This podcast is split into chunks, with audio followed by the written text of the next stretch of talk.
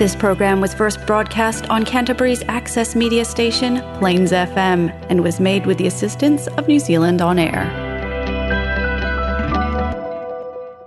Namaste Nepal. Namaste Nepal.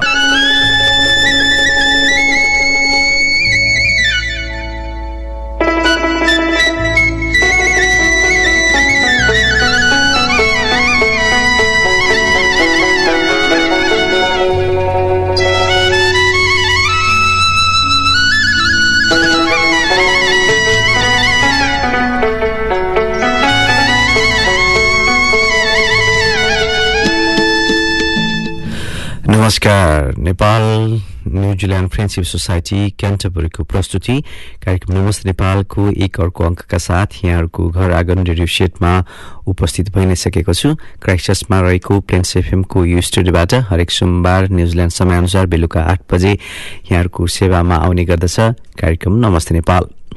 त्यस्तै पेन्सेफएमको frequency modulation ninety six point nine megahertz मार्फत यहाँहरूले crisis आसपासमा कार्यक्रम नमस्ते नेपाल लाइभ प्रत्यक्ष सुन्न सक्नुहुनेछ।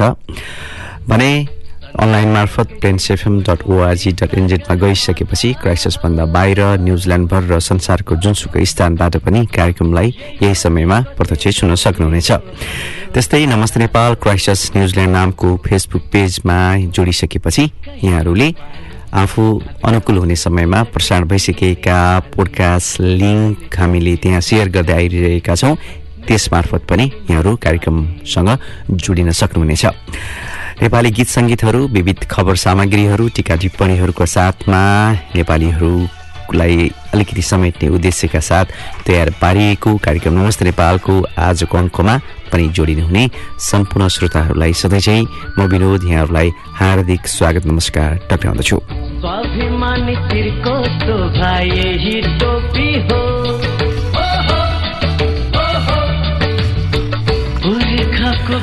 हजुर श्रोता विदेशमा बसे पनि स्वदेशको चिन्ता भइ नै हाल्छ। स्वदेशमा आफ्ना नातेदार अनि चुनिएका अनि आफ्ना घनिष्ठ साथीभाइहरूदेखि लिएर आफ्नो तोकिएका सदस्यहरू परिवारका सदस्यहरू अझै पनि उहाँहरूको त्यहीँको वासस्थान रहिसकेपछि हाम्रा चिन्ता चासोहरू पनि स्वाभाविक हुन् जस्तो लाग्छ।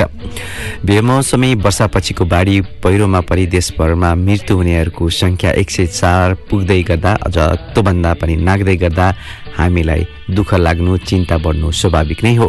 श्रोता यस वर्षको वैशाख यता विपदजन्य घटनामा परेर तिन सय त्रिपन्नभन्दा बढी नेपालीहरूले ज्यान गुमाइसकेको अवस्था छ। त्यस्तै श्रोता यो अवधिमा असीजनाहरू हराइरहेका छन् र बेमौसमी वर्षाका कारण आएको बाढी र जुबा डुबानले भिजेको धानको खेतमा खेतमै टुसाउन थालिसकेको पीडाहरू पनि हामीले यहाँ बसेर महसुस गरिरहेका छौँ। त्यस्तै अब न्यायपालिकाको सङ्कट पनि अहिले अलिकति सतहमा गम्भीर रूपबाट देखिँदै गइरहेको छ। न्यायपालिकाको गरिमा सङ्कटमा पारेको भन्दै सर्वोच्च अदालतका न्यायाधीशहरूले नै प्रधान न्यायाधीश चोलेन्द्र शमशेर विरुद्ध सङ्घर्षमा उत्रिएका छन्। अब यहाँहरू समक्ष पनि यो खबर नयाँ रहेन। प्रधानमन्त्री चोलेन्द्र शमशेर जबरा ऐतिहासिक सङ्कटमा परिरहेको यो घडी त भइ नै हाल्यो तैपनि न्यायको विषयमा पनि हामीले नेपालगञ्जदेखि बिस दिनको पैदल यात्राबाट काठमाडौँ आउनु परेको अप्ठ्यारो पनि हामीले यहाँहरू समक्ष प्रस्तुत गरि नै सकेका छौँ।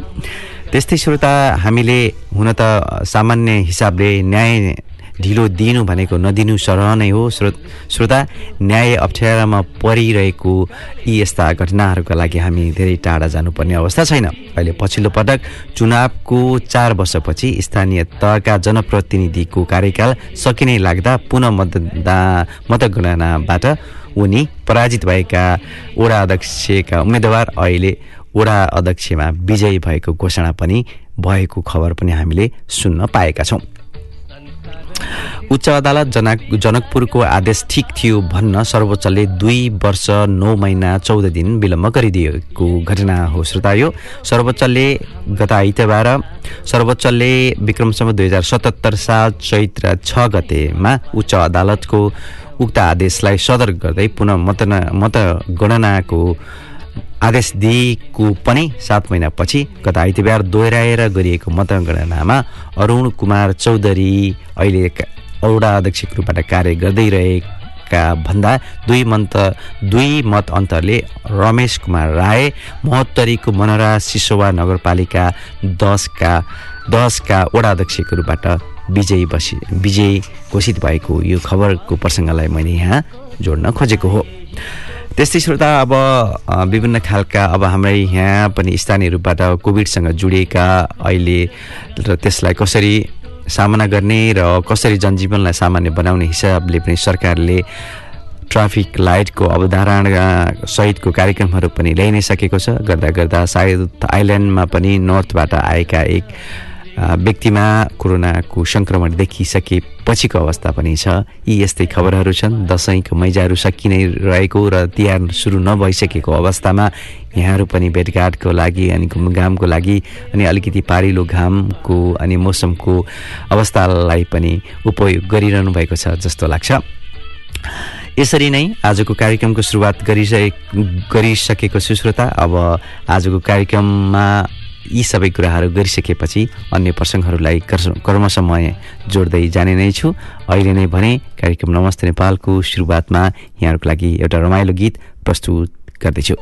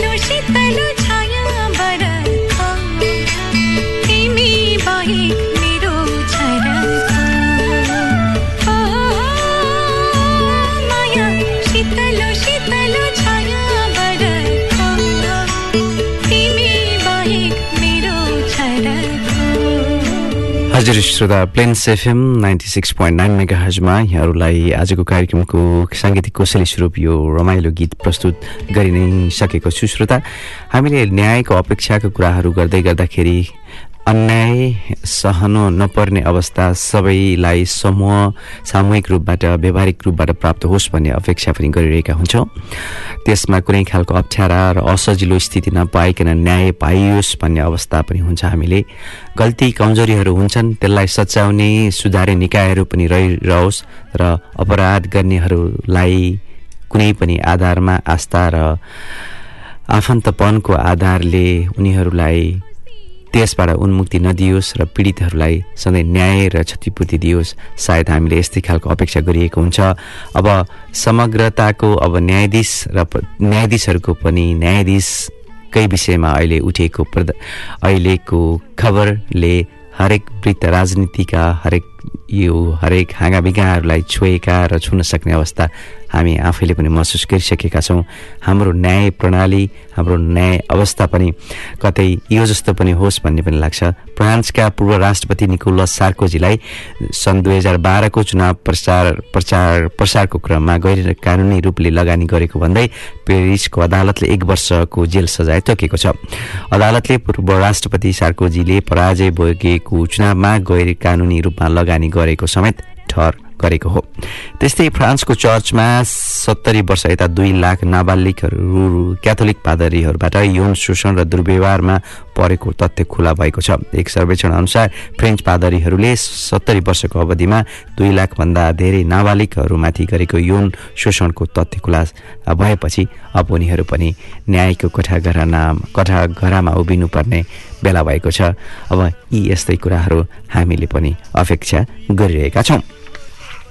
श्रोता अब विदेशमा बसेर स्वदेशको चिन्ताको कुराहरू पनि गऱ्यौँ तर हामीले विदेशमा खर्चेको पसिना अनि रगतको मूल्यका कुराहरू पनि गरिरहेका छौँ। सायद अब यो कुरा गर्दै गर्दा अन्य नागरिकहरू सँगसँगै वीर गोर्खालीहरूको कुरा पनि आउँछ। अब वीर गोर्खालीहरूको युद्ध बन्दीको रूपबाट बिताउँदाका लोक भाका र कथाहरू पनि अहिले पुस्तकको रूपबाट बाहिर आइ नै सकेको छ। प्रथम विश्वयुद्धका गोर्खा सैनिकहरूको आत्मकथा बाहिर ल्याएकी छन्। एकजना साहित्यकार अल्का चुडालले जसले हामीलाई फेरि वीरताका पुराना पाठ वा पाना पढ्ने अवसर जुराउने छ।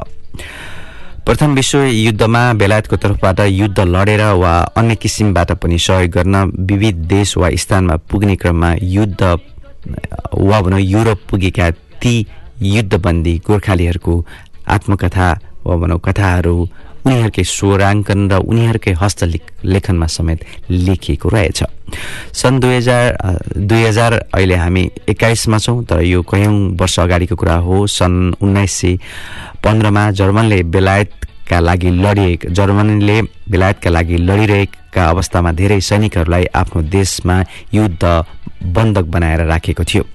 त्यसरी जर्मनीमा कैदी जीवन बिताएका बेला सन् उन्नाइस सय सोह्रमा तत्कालीन प्रशासनिक विभाजन अनुसार अहिलेको पाल्पा तहसिल अन्तर्गतका दुई जिल्लाहरू मुसिकोट र गलकोट अन्तर्गतका पर्सी गाउँ गलकोटका पैँतिस वर्षीय त्यति बेलाका पैँतिस वर्षीय मानबहादुर पुन र रिगा गाउँ मुसिकोटका छत्तिस वर्षीय रनबहादुर थापाले बन्दी अवस्थामा गुहातुरताले पिरो लिएर मानवीरहरूले अब मानवीरको कुरा र रतनबहादुरले विभिन्न खालका भावहरू पोखेका छन्।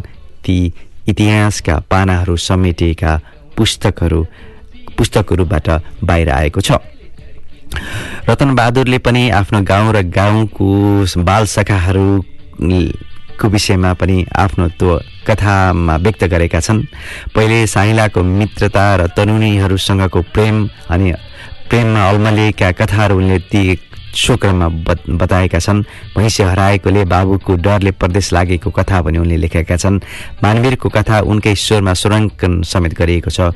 उनकै आवाजमा त्यो अवस्थामा सन् उन्नाइस सय सोह्रमा नेपाली गोर्खालीको युद्ध बन्दी हुँदाको कथा समेटिएको छ। तर स्वराङ्कन नगरिएको रतनबहादुरको रचना हस्तलिखित प्रतिलिपि अझै पनि बर्लिनमा रहेको सङ्ग्रहालयमा फेला परेको छ। लाहोर जानेहरू कोही भाग्यले बाँचे र नेपाल पनि फर्किए अनि परिवारसँग पुनर्मिलनका साथ जीवन पनि बिताए तर कोही रणभूमिमा शहीद भए कति युद्धकै क्रममा हराए अहिलेसम्म गुमनाम वा बेपत्ता अवस्थामै छन्।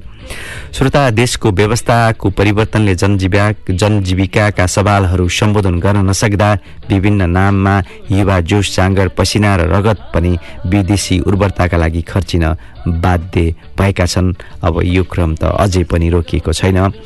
अलिकति फरक हो तर पनि डोटी दिपायल सिलगढी नगरपालिकाका टेकबहादुर कठायतले भारतमै छिमेकी देशमै काम गर्न थालेको पनि छयालिस वर्ष बढी भयो। चौध वर्षको कलिलो उमेरदेखि काम गर्न भारत जान थालेका उनी अहिले साठी वर्षका भए। उमेर ढल्किँदै जाँदा पनि पौरख नमरेको बताउने उनी हरेक वर्ष कामको खोजीमा भारत जाने आउने गरिरहन्छन्। दसैँ मनाउन घर फर्किए फर्किएका उनी चौध असोज दुई हजार अठहत्तरमा गौरी फन्टा नाकामा भेटिएका थिए। त्यति बेला नै उनले आफ्नो दुखेसो यसरी व्यक्त गरेका थिए। भारतमा होटलका भाँडा धुने कपडा धुने शौचालय सफा गर्नेदेखि इँटा बोक्ने काम गर्ने कठायत अहिले घर बनाउने डकर्मीको सहयोगीका रूपमा काम गर्दै आइरहेका छन्। साठी वर्षको उमेरमा यसरी नै हाम्रा जोस जाँगर र उमेरहरू विदेशी भूमिमा उर्वर भइरहेका छन् र पनि हामीले विदेशमा बसेर चिन्ता देखाइरहेका छौँ जताइरहेका छौँ। सायद हामीलाई पनि यी यस्तै कुराहरू सबै नेपालमै भएको भए के हामी यसरी आज अहिले यस्तो अवस्थामा विदेशमा रहन्थ्यौँ त? फेरि पनि प्रश्न सोध्नुपर्ने बेला भएको छ। जवाब हरेकको फरक फरक हुनसक्छ। यो आफ्नो अनुभव फरक फरक अनुभवमा निर्भर गर्ने कुरा भयो। श्रोता अब अलिकति गम्भीर कुराहरूबाट अलिकति सामान्य अवस्थाको यो प्रसङ्ग यहाँहरूलाई उठाउन चाहन्छु अहिले। अब त्यो केसँग सम्बन्धित छ भने बैङ्कमा खोलिएको खाता यदि चलाइएन भने के हुनसक्छ? त्यस्तै यो नेपालसँग जोडिएको खबर हो। राष्ट्र बैङ्कका अनुसार अहिले हाल कम्तीमा दस वर्षदेखि बैङ्कमा सम्पर्कविहीन निक्षेपकर्ता खाताको सङ्ख्या चौध लाख अठार हजार पाँच सय तिस रहेका रहेछन्। यस अवधिमा उनीहरू न पैसा जिक्न बैङ्क आएका छन् न थप्न नै। उनीहरूको सात अर्ब अन्ठानब्बे करोड रुपियाँ बैङ्ककै खातामा थन्किएको छ। बैङ्कमा बचत गरेको पैसा लामो समयसम्म किन्न लिन नगए के हुन्छ त? ब्याङ्क तथा वित्तीय सम्बन्धी ऐनको व्यवस्था अनुसार रकम रकम जम्मा गरेको बिस वर्षसम्म बचतकर्ता रकम लिन नआए वा कसैको हक दाबी नपरे त्यो बैङ्किङ विकास कोषमा जाँदो रहेछ। श्रोता यसरी सबै कुराहरू समेट्ने हाम्रो प्रयास हुन्छ यस्तै खालको प्रसङ्ग यहाँहरूलाई सुनाइसकेपछि फेरि पनि अब यहाँहरूको लागि एउटा रमाइलो गीत प्रस्तुत गर्छु। त्यसपछि फेरि पनि कार्यक्रमलाई निरन्तरता दिनेछु। कृपया कार्यक्रम सुन्ने प्रयास गर्दै गर्नुहोला।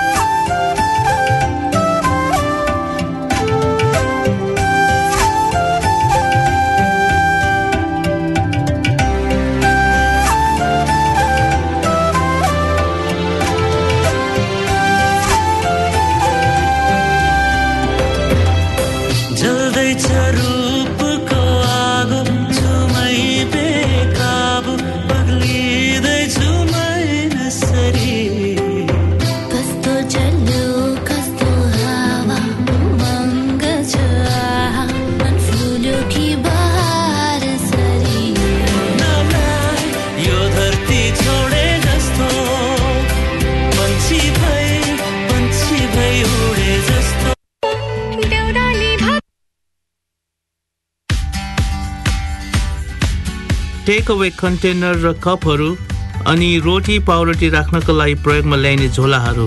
घरपालुवा पशु पन्छीका खाना राख्नका लागि प्रयोगमा ल्याइने झोलाहरू। साना साना काठका उठ प्यालेट राख्नका लागि प्रयोगमा ल्याइने झोलाहरू तथा फ्रिजमा राखिने साग सब्जीहरू राख्नका लागि प्रयोगमा ल्याइने झोलाहरूमा के कुरा सम्मान छन्? ती सबै रातो रङको फोहोर फाल्ने भाँडोमा जान्छन्। सबै नरम खाले प्लास्टिकहरू जसलाई तपाईँले आफ्नो हातले कच्याक कुचुक पार्न सक्नुहुन्छ ती सबै तपाईँको रातो बिनमा जान्छन्। तपाईँले हाम्रो अनुवादित bin guides CCC dot GOVT dot NZ slash bin गाइड्सबाट प्राप्त गर्न सक्नुहुन्छ। हजुर श्रोता श्री क्राइस्ट सिटी काउन्सिलको यो सौजन्य सामग्रीपछि यहाँहरूलाई बेलुका आठ बजीदेखि सुरु भएको कार्यक्रम नमस्ते नेपालमा फेरि पनि हार्दिक स्वागत गर्दछु। श्रोता यहाँहरू पनि आफ्ना अनुभव अनुभूतिहरू कार्यक्रम नमस्ते नेपाल मार्फत यदि सेयर गर्न चाहनुहुन्छ भने कृपया हामीलाई तोकिएका आफूलाई सम्भव भएका र सजिलो माध्यमबाट सम्पर्क गर्ने प्रयास गर्नुहोला। नेपाल न्युजिल्यान्ड फ्रेन्डसिप सोसाइटीको कार्यक्रमहरूको विषयमा पनि हामी कार्यक्रममा समावेश गर्दै जाने प्रयास गरिरहेका छौँ। हुन त अब दसैँमा दसैँको भेटघाटहरू सम्भव रहेन।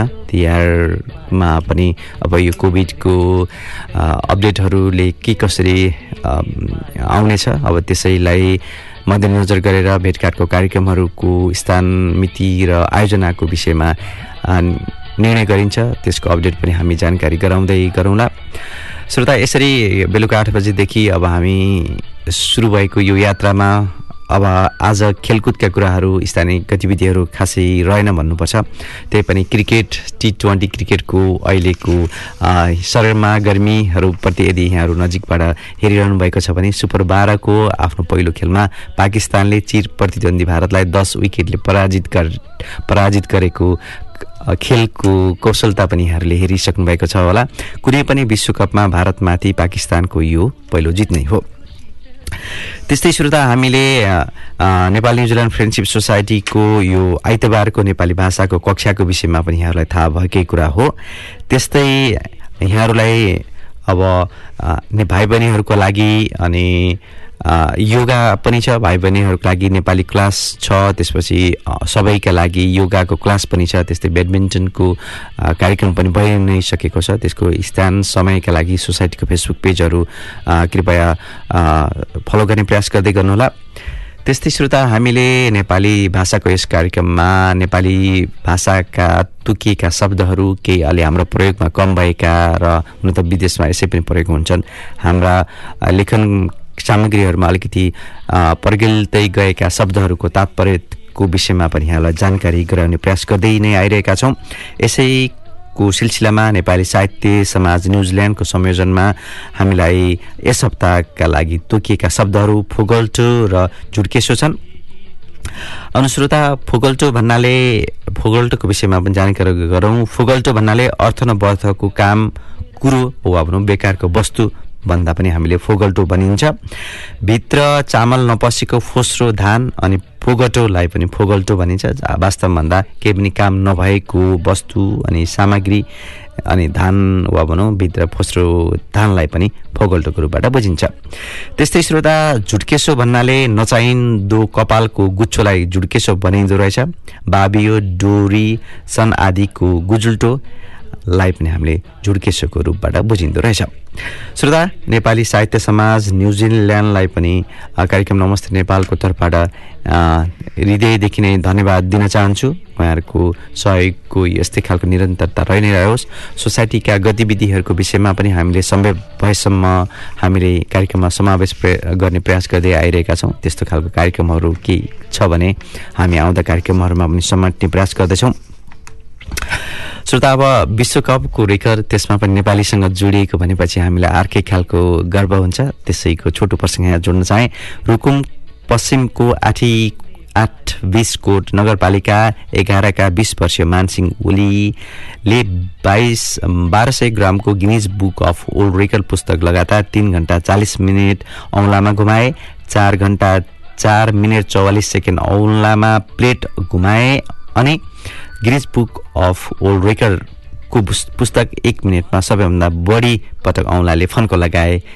यी सबै काम गर्दा गर्दै यी सबै आफैमा पनि गिरिज बुक अफ ओल्ड रेकर्डमा सामेल भएको छ र यो विश्व रेकर्ड गरेका छन् मानसिंह ओलीले।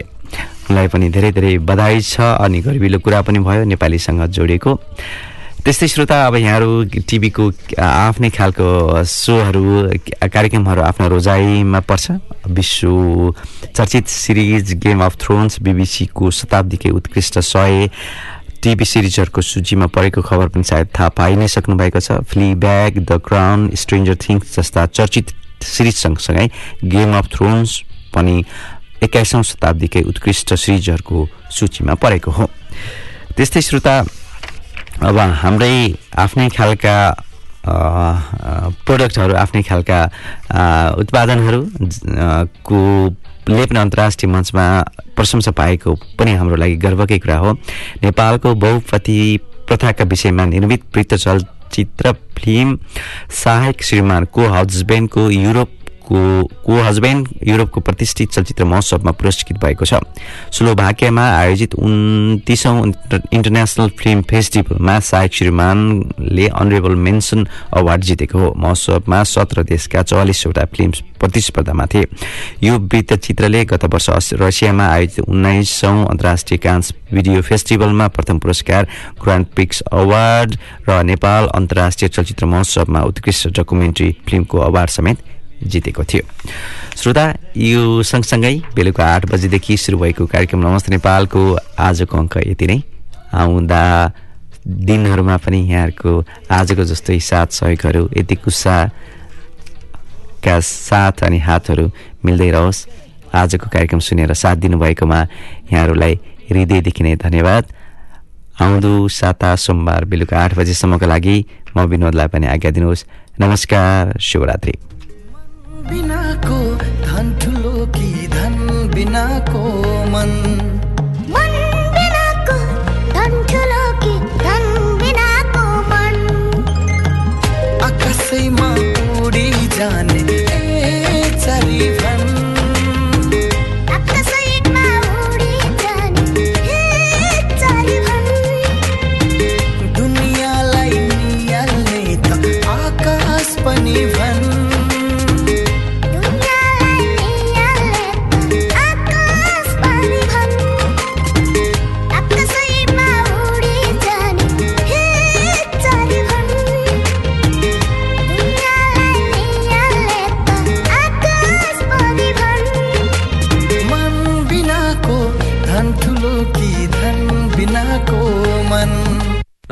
नेपाल नमस्ते नेपाल